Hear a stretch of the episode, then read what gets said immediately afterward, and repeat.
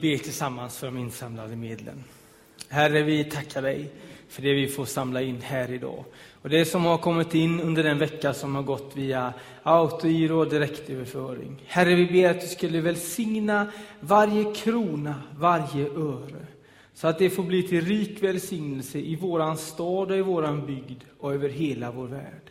Så att genom det som vi kan göra genom dessa pengar så kan människor få se dig som den du är. Det ber vi om. Vi ber för dem som är ansvariga för ekonomin i vår församling. Välsigna dem och välsigna varje givare. I Jesu namn. Amen.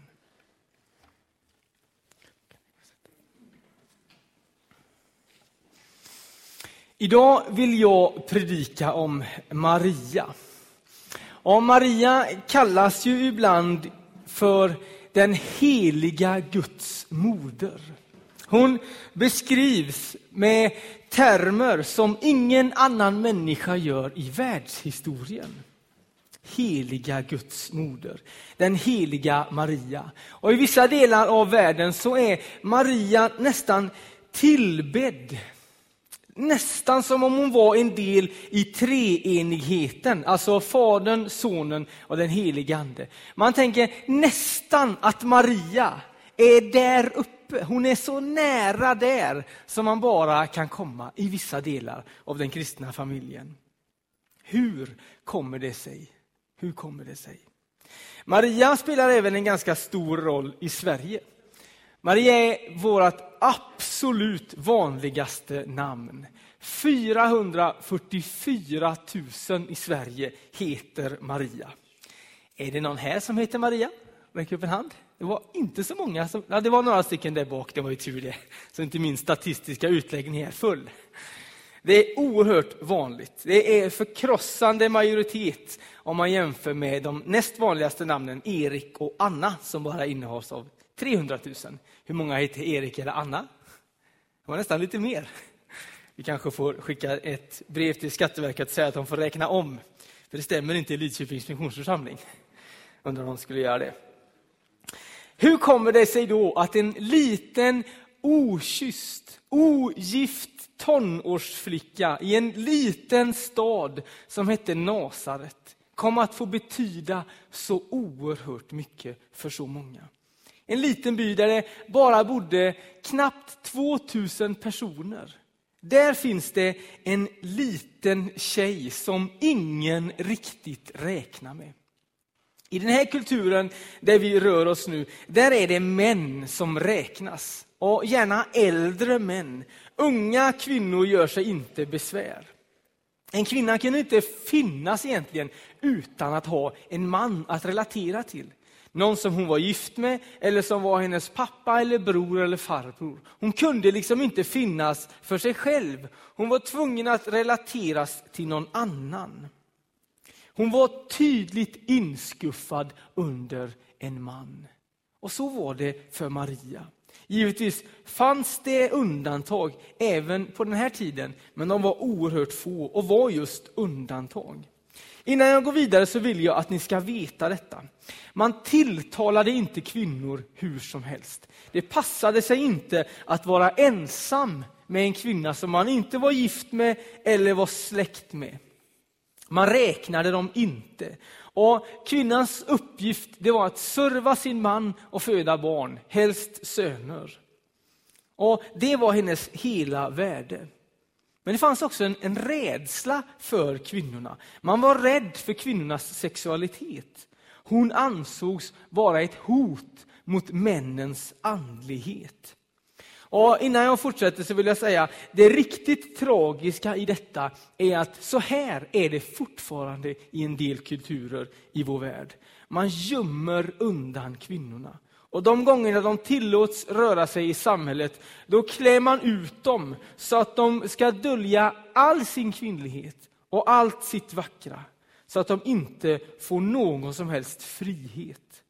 Detta förtryck görs inte sällan i religionens namn.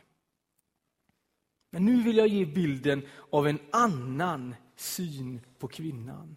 En biblisk syn som skiljer sig markant mot den kultur som fanns då och som fortfarande till viss del finns i våran tid. Och det är ingen slump att Gud gör det han gör. Han väljer att säga någonting med sitt handlande. Det är som att han vill säga, ni kanske tänker så här, men jag tänker på ett annat sätt. Och så står det så här i Lukas evangeliets 26 vers. I den sjätte månaden blev ängeln Gabriel sänd från Gud till en ung flicka i staden Nasaret i Galileen. Hon hade trolovats med en man av Davids släkt som hette Josef och hennes namn var Maria. Tyckte ni att det var spännande ord? Var det utmålande av Marias personlighet och karaktär? Nej, det vi slås av, det är hennes vanlighet. Det står ingenting om hennes färgstarka karaktär eller varför hon får ett besök av en ängel. Hon är helt vanlig, men det unika i tillfället ska inte missas.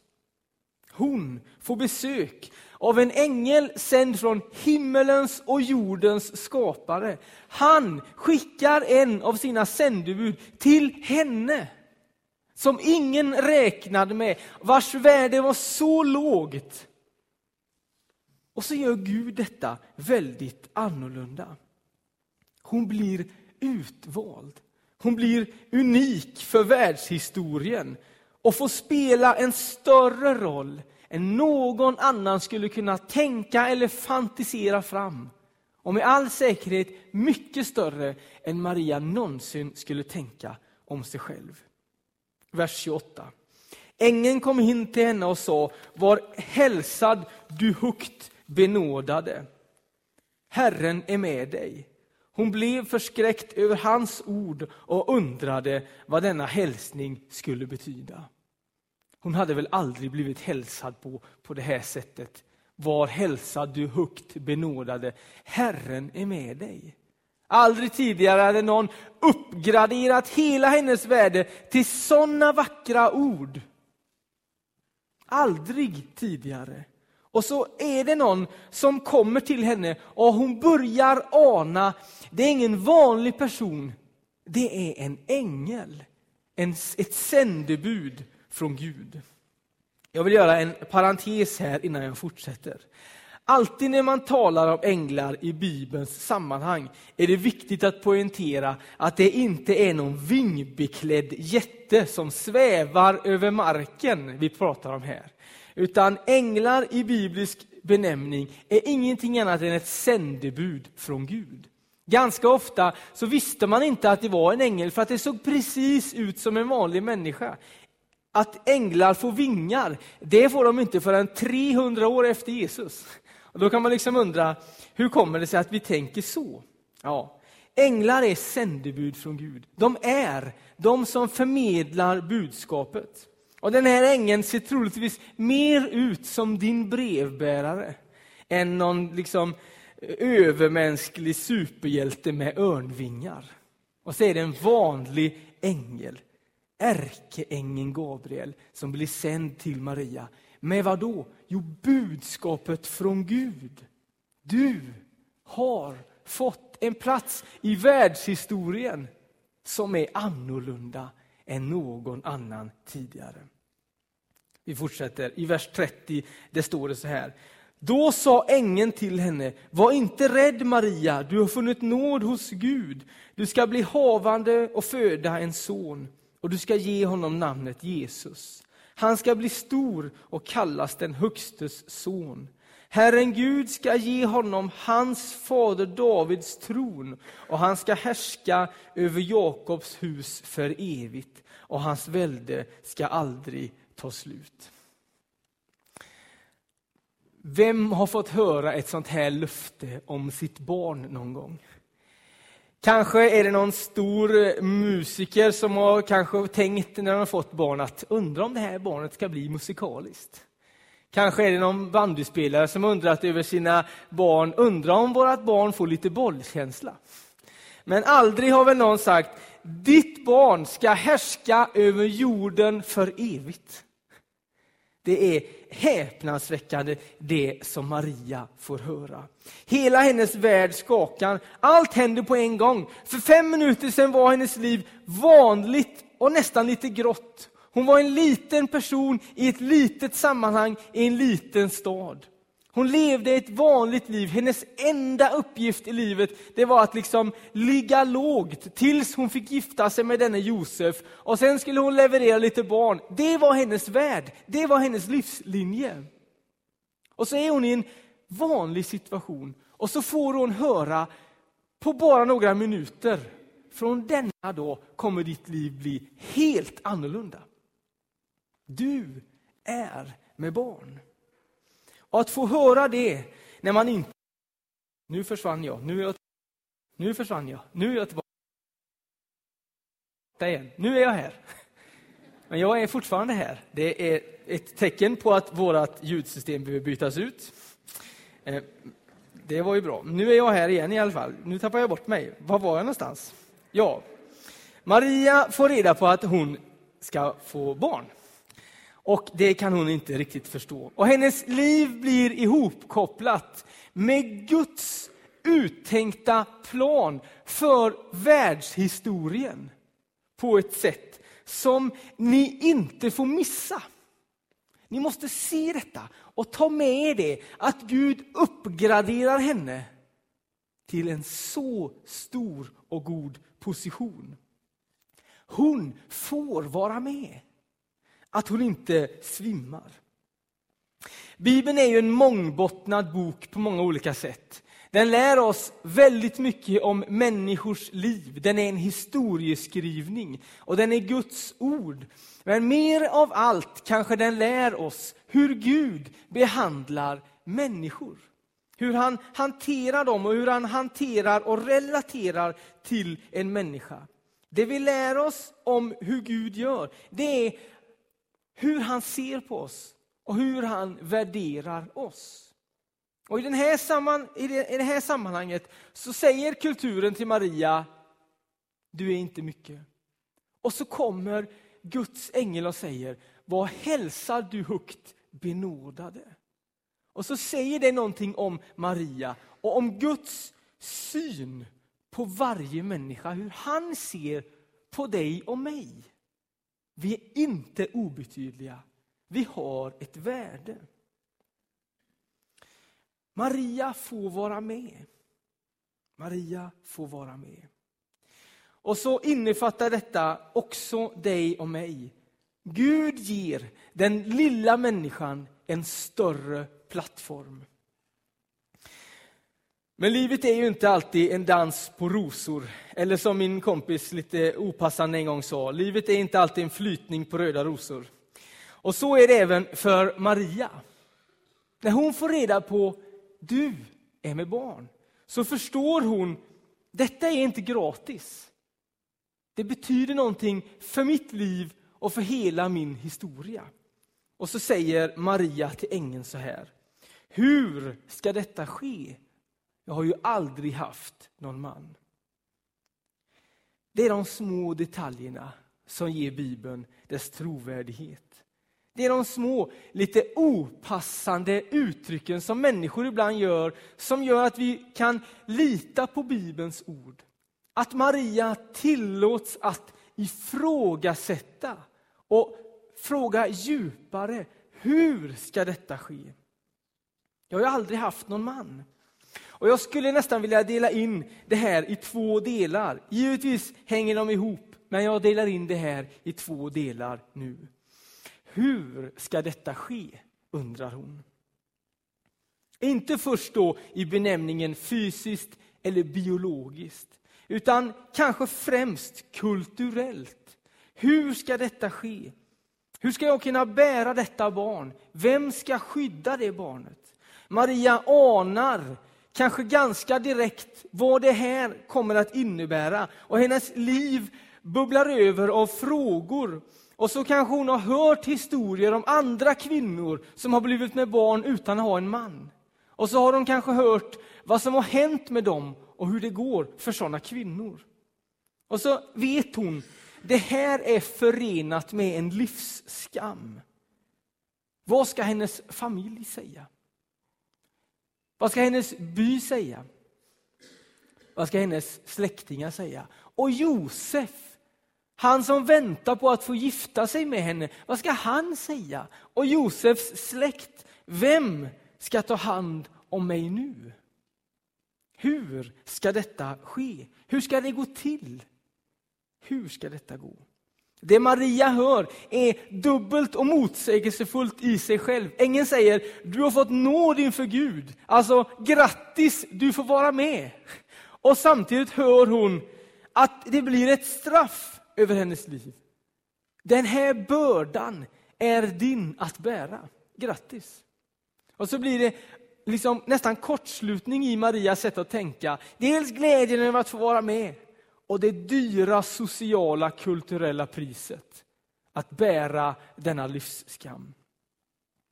Och samtidigt så finns det ett mirakel, ett Guds under i ängens ord. Du ska bli med barn, du ska bli havande. Och far till barnet är Gud själv. Skaparen av himmel och jord ska skapa liv i ditt liv. Sonen som du ska föda är världens frälsare. Himlens och jordens kung. Han ska kliva upp på Davids tron och han ska kallas den högstes son. Han ska härska och hans välde ska aldrig ta slut. Det vi kanske inte ser när vi tittar i den här texten direkt, det är detta att vad kallas söner och döttrar som inte har en far? Ja, de kallas ju för oäktingar eller bastarder. Och inte, så, inte för så länge sedan stod det i våra kyrkböcker eller mantalsskrivning om sådana här barn. OES eller OED. Oäkta son. Det fick man bära med sig.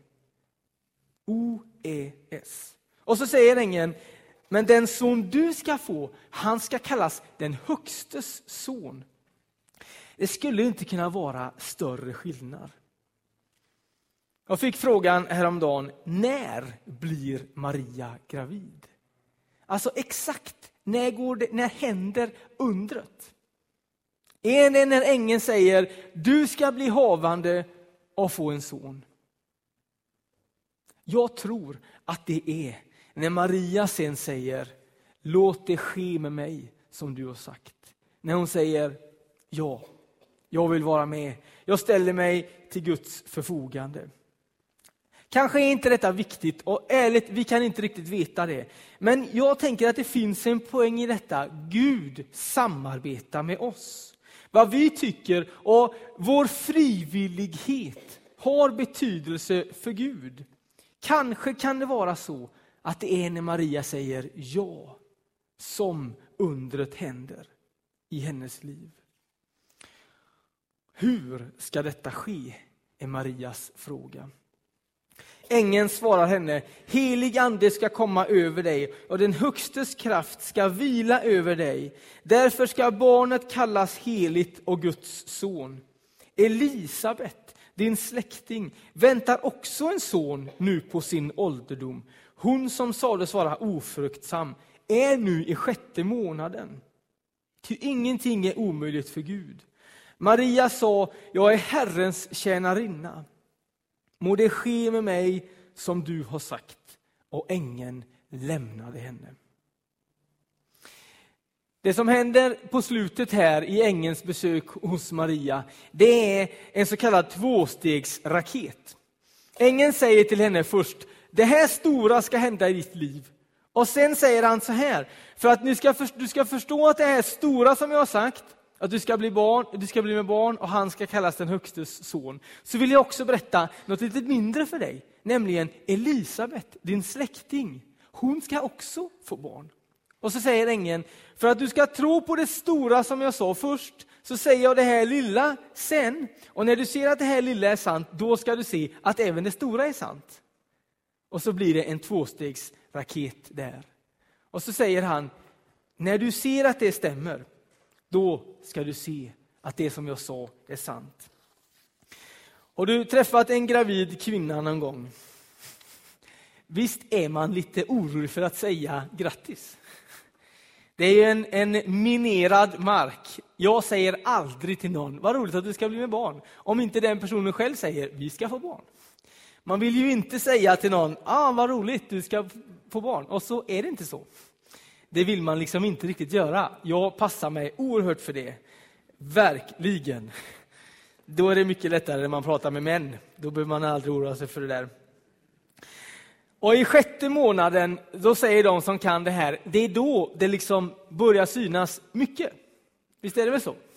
Då liksom expanderar det så här. Va? Och så säger ängeln Elisabet, hon är i sjätte månaden. Och Det betyder att om hon hade varit i sjätte månaden, varför har inte Maria hört det då innan? Det vore ju en nyhet som skulle nått henne redan tidigare. Hur kommer det sig att hon inte har nåtts av sändebudet Elisabet är med barn? Hade hon bara varit med, eh, eh, med barn i några veckor, då kan man förstå att hon inte har vetat om detta. Men i sjätte månaden, det måste ju synas. Elisabet, din släkting, är med barn. Hon är i sjätte månaden. Och så borde hon veta detta. Men det vet hon inte. För Elisabet, hon har hållit sig undan. För hon är för gammal för att få barn. Men så är hon ändå med barn. Vi fortsätter i texten. Några dagar efteråt gav sig Maria iväg och skyndade till en stad i Juda bergsbygd. Hon gick till Sakarias hus och sökte upp Elisabet. När Elisabet hörde Marias hälsning sparkade barnet till i henne och hon fylldes av helig ande det barn som hon bär sparkar till i magen, för barnet känner liksom vad som är på gång. Och så är det en, en rätt så underlig situation här. Jag vill, inte, jag vill att ni inte ska missa det. Å ena sidan har vi Maria här, en tonåring som på ett vis är för ung för att få barn och som inte har en man. Som inte ska få barn. Och sen på andra sidan här har vi en, en gammal kvinna som är för gammal för att för att bli med barn, som har haft en man för länge. Hon borde ha haft barn för länge sedan. Och det här som, som gör att man får barn borde hon ha slutat med för länge sedan. Och nu är hon med barn. Så har vi en för gammal kvinna här och en för ung kvinna här. Och som är liksom i ytterkanterna. Och så träffas de på mitten här. För att båda två bär i sina liv två söner som skulle komma att förändra världshistorien. Och så säger Elisabet så här. Hon ropar med hög röst. Välsignad är du, Maria, mer än andra kvinnor och välsignat det barn du bär inom dig. Hur kan det hända mig att min Herres mor kommer till mig? När mina öron hörde din hälsning sparkade barnet till i mig av fröjd. Salig hon som trodde, det som Herren hade sagt henne ska gå i uppfyllelse. Allting det här händer på några dagar. Det är ingen lång betänketid, det går fort här. Och så kan man tänka att hela Marias liv, det går runt, runt, runt. Och så går hon till sin släkting Elisabet. Och när hon får möta henne, då säger Elisabet du är med barn. Gud har uppenbarat för mig att du är med barn. Och hon är ju bara, med, hon är bara gravid sedan några dagar. Du är med barn, får hon höra. Och när Maria möter Elisabet, när hon möter den här andra kvinnan som också oväntat nog är med barn, då förstår hon att det är sant. Innan hade hon sagt, hur ska det ske? Och sen hade hon sagt, okej, okay, låt det ske med mig som du har sagt. Men när hon får någon, en annan person att dela sin tro med, då går solen upp i Marias liv och så ser hon, det Gud har sagt mig är sant. Det stämmer. Och så briserar Marias liv. Hon exploderar ut i en glädjelovsång som är fantastisk och som är omskriven och tonsatt av alla de stora, största kompositörerna. Då sa Maria i vers 46. Min själ prisar Herrens storhet. Min ande jublar över Gud, min frälsare. Han har vänt sin blick till sin ringa tjänarinna. Från denna stund ska alla släkten prisa mig salig. Stora ting låter den mäktige ske med mig. Hans namn är heligt och hans förbarmande med dem som fruktar honom varar från släkte till släkte. Han gör mäktiga verk med sin arm. Han skingrar dem som har övermodiga planer. Han störtar härskare från deras troner och han upphöjer det ringa. Hungriga mättar han med sina gåvor och rika skickar han tomhänta bort. Han tar sig an sin tjänare Israel och håller sitt löfte till våra fäder att förbarma sig över Abraham och hans barn till evig tid. Maria stannade hos Elisabet omkring tre månader och återvände sedan hem. Som avslutning vill jag säga det här. Storheten i den här berättelsen är faktiskt inte Maria eller Elisabet. Storheten, det är Guds storhet. Att han väljer att göra sig beroende av vanliga människor, sådana som du och jag. För att nyheten, glädjebudskapet om Jesus ska komma ut över vår jord. Det är storheten. Storheten är att du och jag får vara med. Gud har aldrig sagt om en människa, den är för liten. Den är för obetydlig. Aldrig. Utan det han har sagt, det är var hälsad, du högt benådade. Herren är med dig. Och så finns det en fråga över varje människas liv, ditt och mitt liv. Vill du vara med? Vill du vara med? En del av oss svarar på den frågan, jag vet inte. En del säger, kanske. Det Maria säger är, låt det ske med mig som du har sagt. Jag är Herrens tjänarinna. Och så får hon se hur världens största nyhet får bli verklighet i hennes liv. Vi får vara med. Och detta är julens centrala händelse. Att Gud föds till vår jord och blir människa. Genom det att Maria säger, jag vill vara med. Jag vill vara med. Nu ska vi få lyssna till en sång som handlar om just detta med Maria. Vi ber tillsammans. Herre, tack för att du inte säger om någon människa att den är för liten. Utan tack att du ställer den frågan över varje människas liv. Vill du vara med? Får jag använda dig? För att skicka min kärlek till hela den här världen. Så att alla människor får se att jag är den jag är. Tack att du är här. Tack att du vill använda oss. Tack att vi får vara med. I Jesu namn. Amen.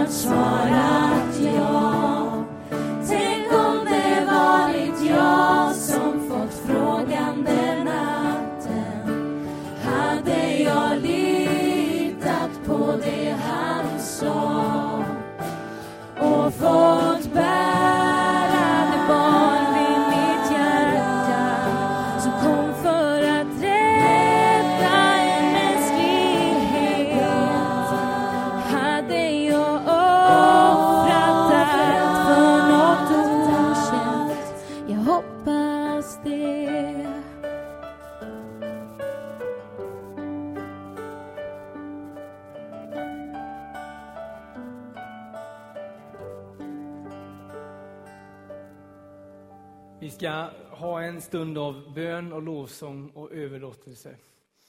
Och så har vi våran ljus